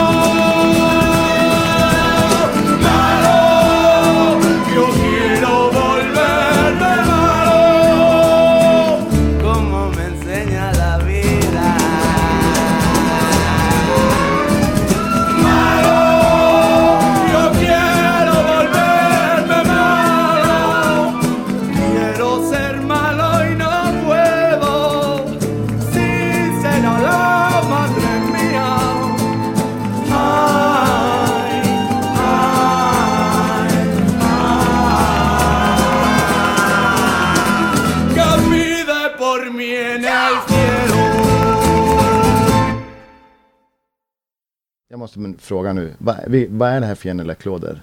De är, det är gamla 1032 år. Okej. De har ju blivit jättepoppis igen. Eh, de har ju till och med börjat eh, nytillverka dem. Ja. Men jag tror de kostar 20 000 stycken någonting. Ja. Jag köpte ju dem när de var helt impopulära för Ja. 10 000 för paret. Ja. Oh, shit. Ja. Det, för mig var det så här, uff, de, det var någon snubbe ute på Lidingö som hade haft dem i sin replokal använt det som PA. Det, det gör lite ont i kroppen. Det är därför de har handtag på sidan. Ja, just det. De ska Ja. kunna montera dem med stativ. Satan. Eh, nej, de här har jag varit med, haft med nästan överallt nu. Ja. De,